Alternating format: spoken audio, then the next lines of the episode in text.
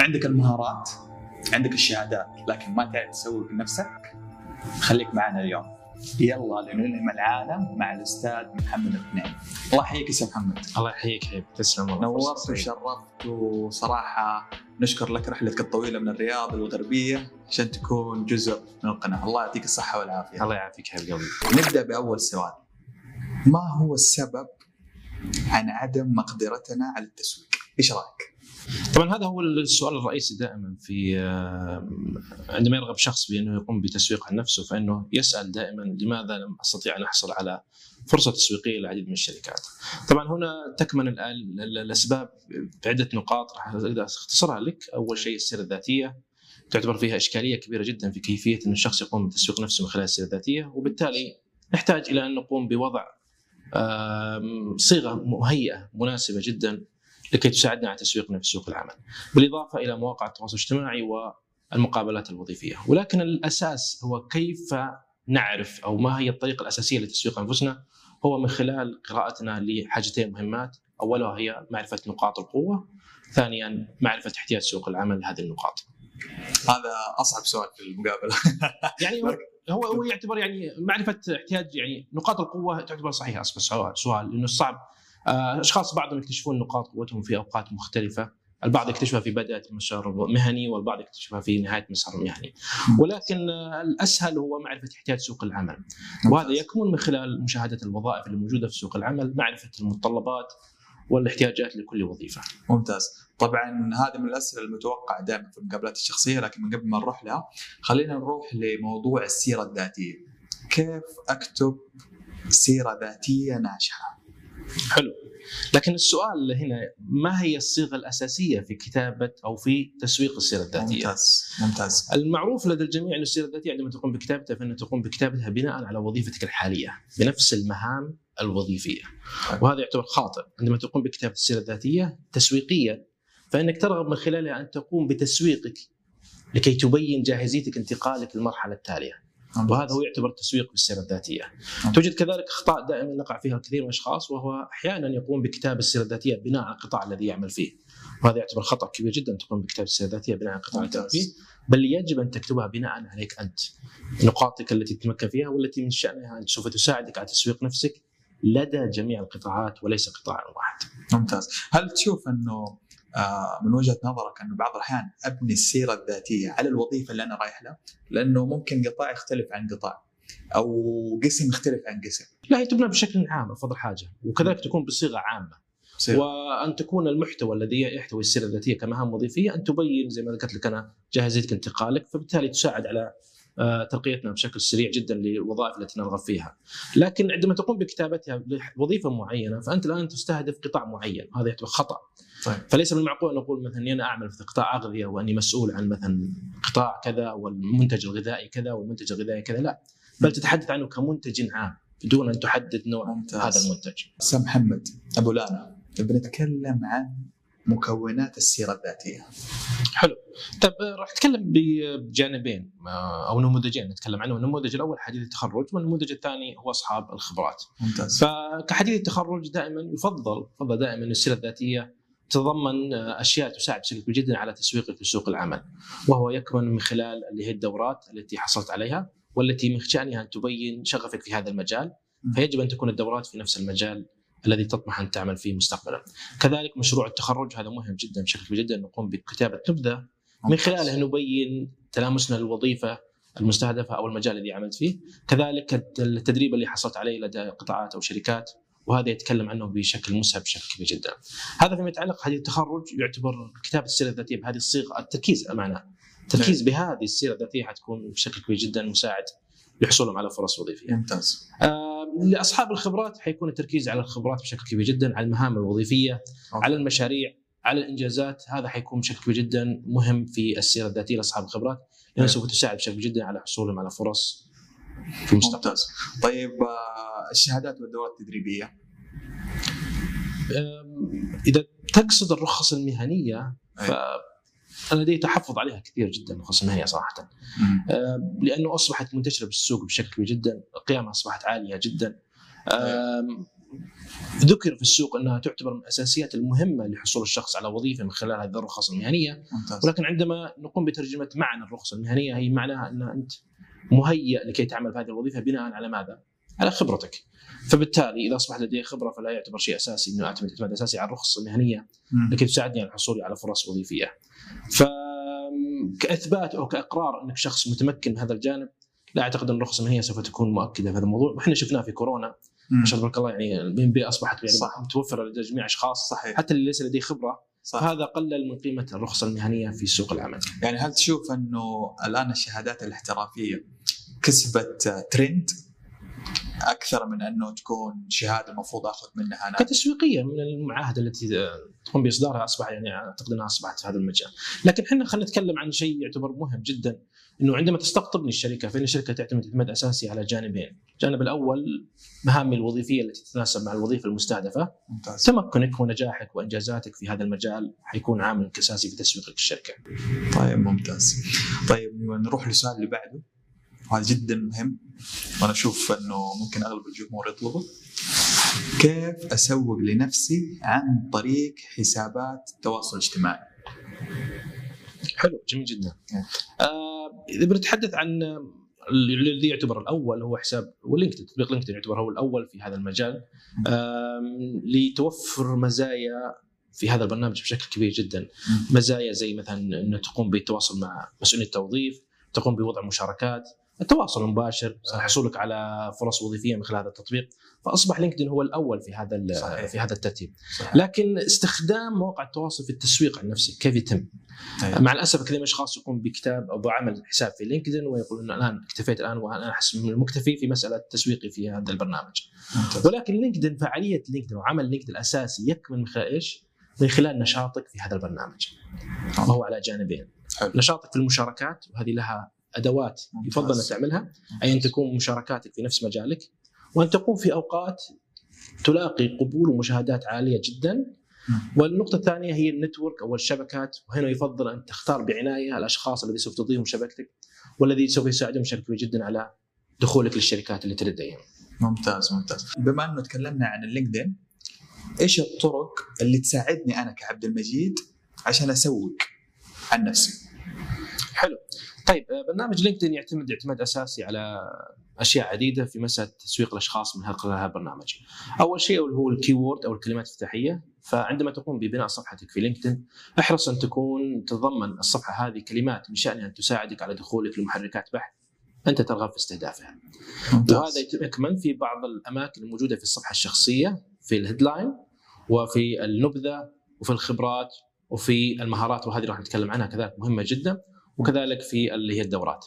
فنحرص أن نضع كلمة وكلمتين تبين من خلالها أن إحنا نستهدف هذه الوظائف عندما تقوم الشركات بالبحث عنها.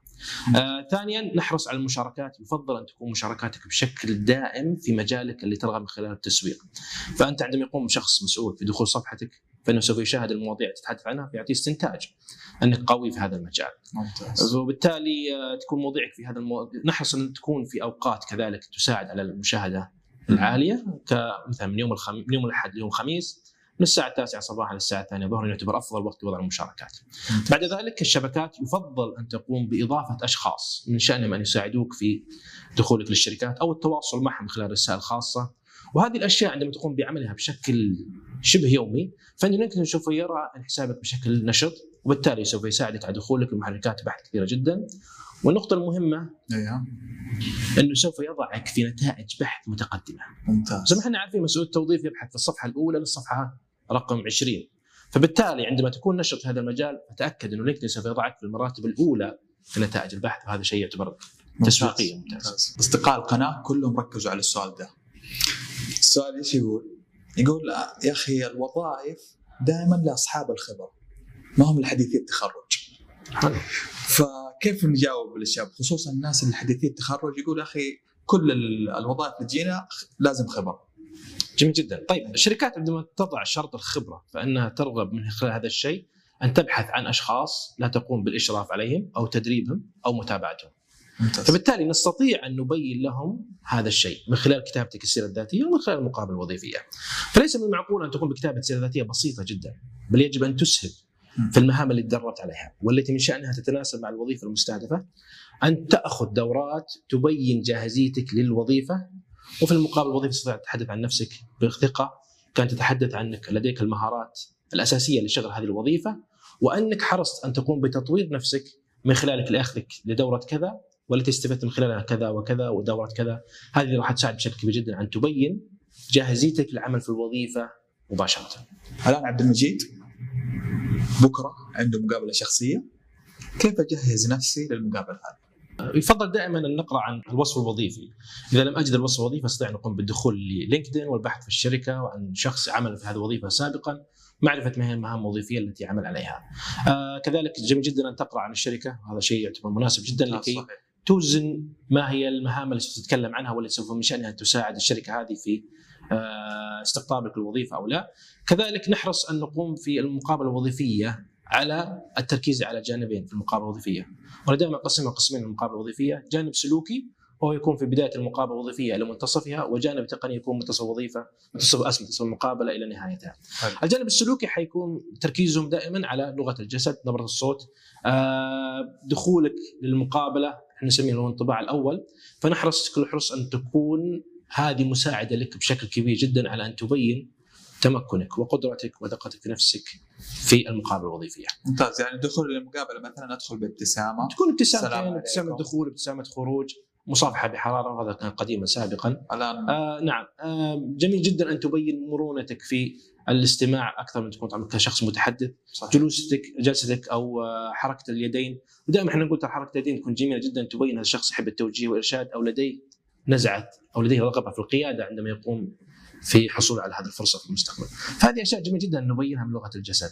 بعدها نأتي للجوانب التقنية وهنا نحرص أن نسلط الضوء على المهام التي يرغب الطرف الآخر بالاستماع لها فنبين من خلالها أن نحن نجيد هذه المهام وعلى قدر كافي فيها كذلك أن نبين نجاحاتنا فليس من المعقول أن تتحدث عن مهام كان تبين انت من سائر ال- الآخرين بل يفضل أن تبين نجاحك في هذه المهام لكي تكون الأفضل ويتم اختيارك. ممتاز. آه طيب الآن نروح للمقابلة الشخصية نفسها. وش أهم الأسئلة اللي موجودة في المقابلة الشخصية؟ وكيف عبد المجيد أو غير عبد المجيد الجمهور يجاوبوا على هذه الأسئلة بطريقة احترافية؟ طبعا أول سؤال يسأل هو بس في البداية خلينا نقول يعني ترى المقابلة الوظيفية ليست سؤال وجواب. حلو. فأنا دائما أسأل مثلا محمد ما هو أفضل جواب آه ما هو ما أفضل جواب زي ما. سألتك أنا إي لأنه لأنه لو اعتبرناها بهذه الطريقة فهي تعتبر يعني خاطئة لأن نعم. لكل منشأة ولكل وظيفة لها جواب معين صحيح فالمنشأة الناشئه ليست كمنشأة كبيرة و ووظيفة معينة ليست وظيفه لها جواب معين فهي تختار أشياء يعني تستطيع إنك تقوم بتغييرها بت- بتحسينها بما يتناسب مع استهدافك وكذلك تسويقك للمقابله الوظيفية. ولكن دائما السؤال الأول اللي يسأل دائما هو تحدث عن نفسك هذا السؤال دائما يسأل في جميع المقابلات. صحيح. الغرض منه إنه يعني كبداية يعني معرفة مع هذا الشخص يرغبون أن يعرفون ماذا لديه.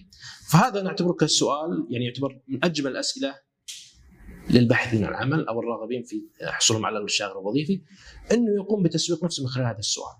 ممتاز. فالأفضل دائما إن نبدأ معهم بالترحيب والشكر، شكرا لكم على إتاحة الفرصة.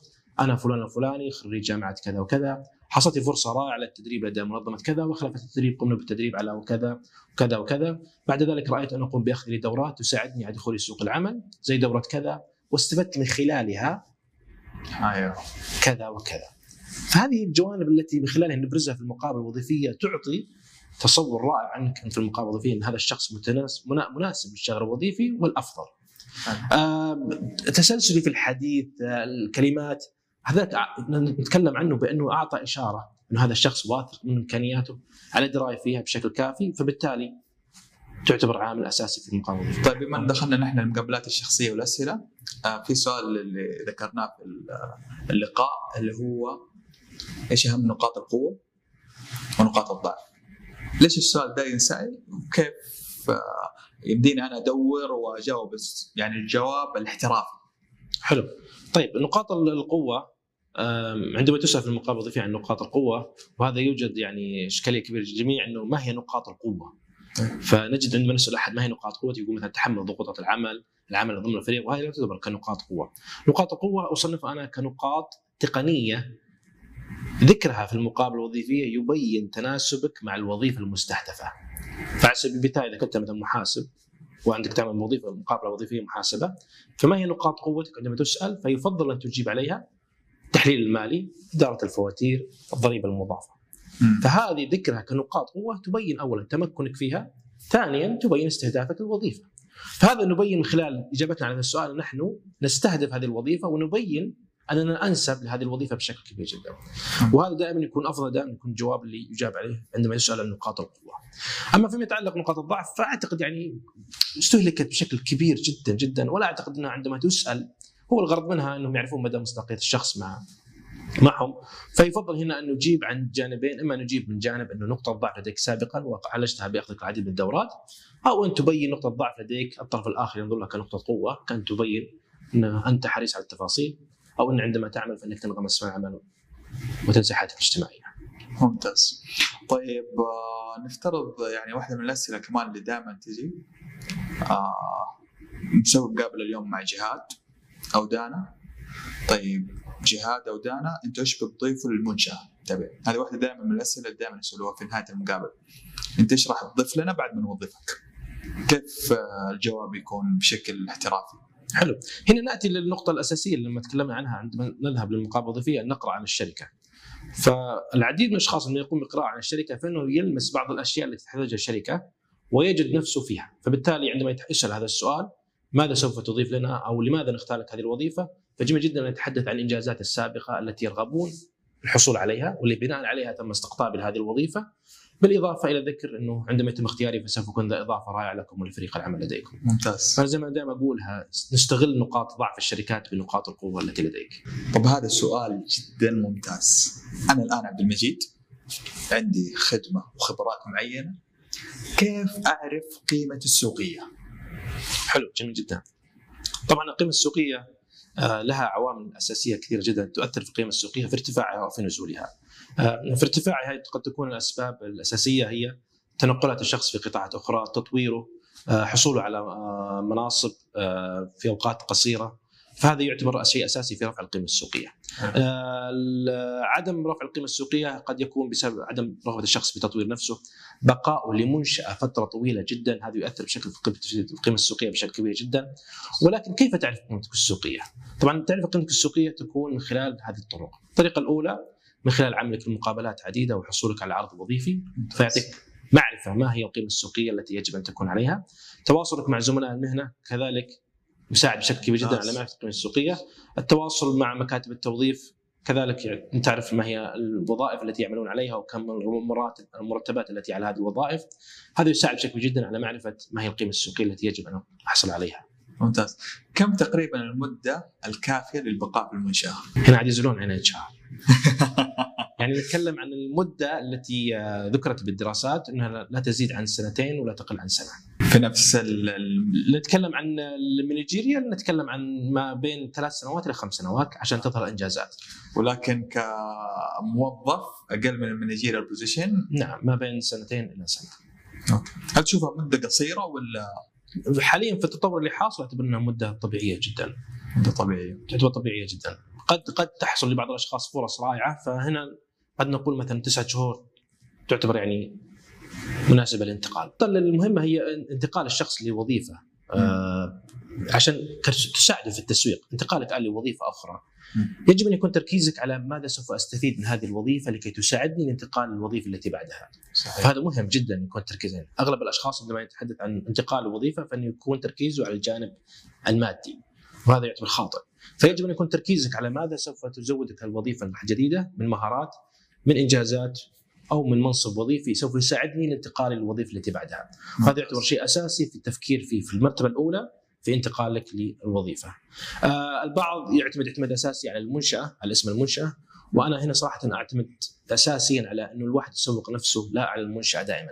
عندما ترغب بتسويق نفسك يجب أن تقوم بالتركيز على نقاط قوتك التي أنجزتها في خبراتك السابقة لا على الشركات أو اسم الشركات التي عملت فيها. سؤال برضه جدا مهم كيف أرفع قيمة السوقيه؟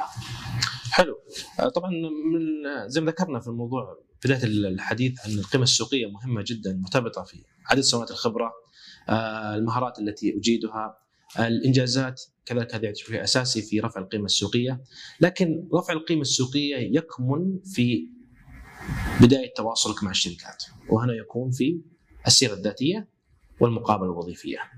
مع الأسف الكثير من الأشخاص عندما يقوم بعمل مقابلة وظيفية ويصل إلى العرض الوظيفي لا يقوم بعمل تكنيك مخصص في رفع القيمة السوقية وهو التفاوض. فنجده إما يرفض العرض الوظيفي وإما يقبل العرض الوظيفي. وهو يعرف أنه يوجد مرحلة ثانية بعد العرض الاستلام العرض الوظيفي وهو يسمى التفاوض. من خلال التفاوض تستطيع أن تقوم بالتفاوض على الرقم الذي ترى أنه مناسب لك لانتقالك للمرحلة الثانية وبالتالي حيساعد بشكل جدا على رفع القيمه السوقية. ولكن تصرفك في المقابلة الوظيفية، تحدثك في المقابلة الوظيفية، هذه كنت دائما أقولها أنا ذكر سعادتك في وظيفتك الحالية عامل أساسي في رفع العرض الوظيفي المقدم لك.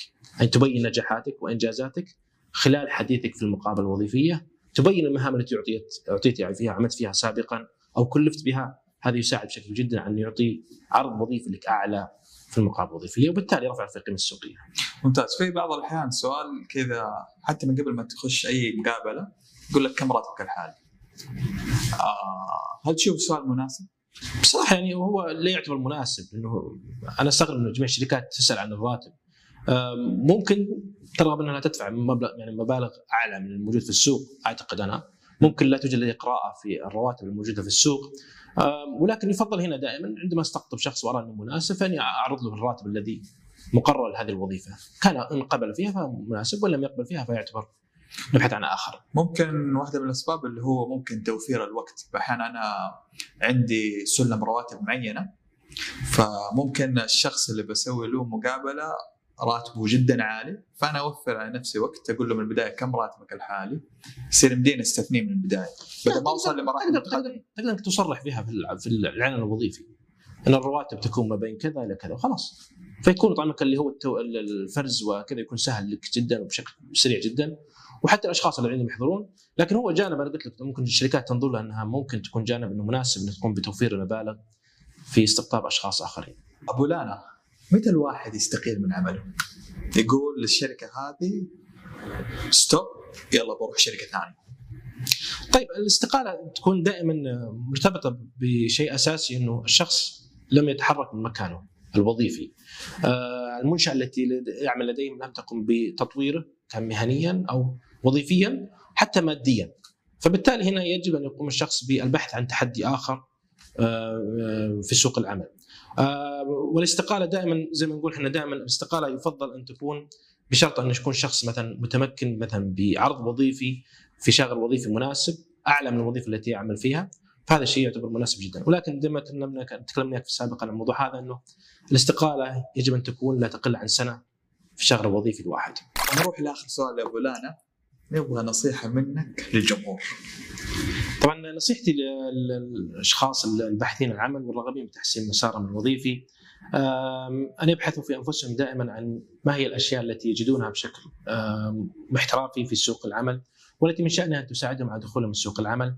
جميعنا لدينا قدرات، لدينا إمكانيات ولكن نحتاج أن نقوم بإظهارها وبتسويقها لسوق العمل، فدائما دائما أطلب من أشخاص انه يقوم باكتشاف نفسه وتطويرها في نفس الوقت لكي تساعده على دخول سوق العمل. ممتاز، يمكن استفدت من أبو لانا اليوم. آه صراحة كان نقطتين جدا مهمة، أول شيء أنت لازم تعرف وش هدفك. وين تبى تروح؟ فلازم تخطط كويس على مدار السنين القادمة خمس سنوات عشر سنوات وتعرف إيش تبى توصل بالضبط. الشيء الثاني اللي جدا مهم لازم توثق بقدراتك بمهاراتك تشتغل على نفسك كويس. نروح للنهاية يلا لنلهم العالم يلا نفيد المجتمع. هذا الفيديو صنع لكم من القلب. والله من القلب. سلام يا حبايب.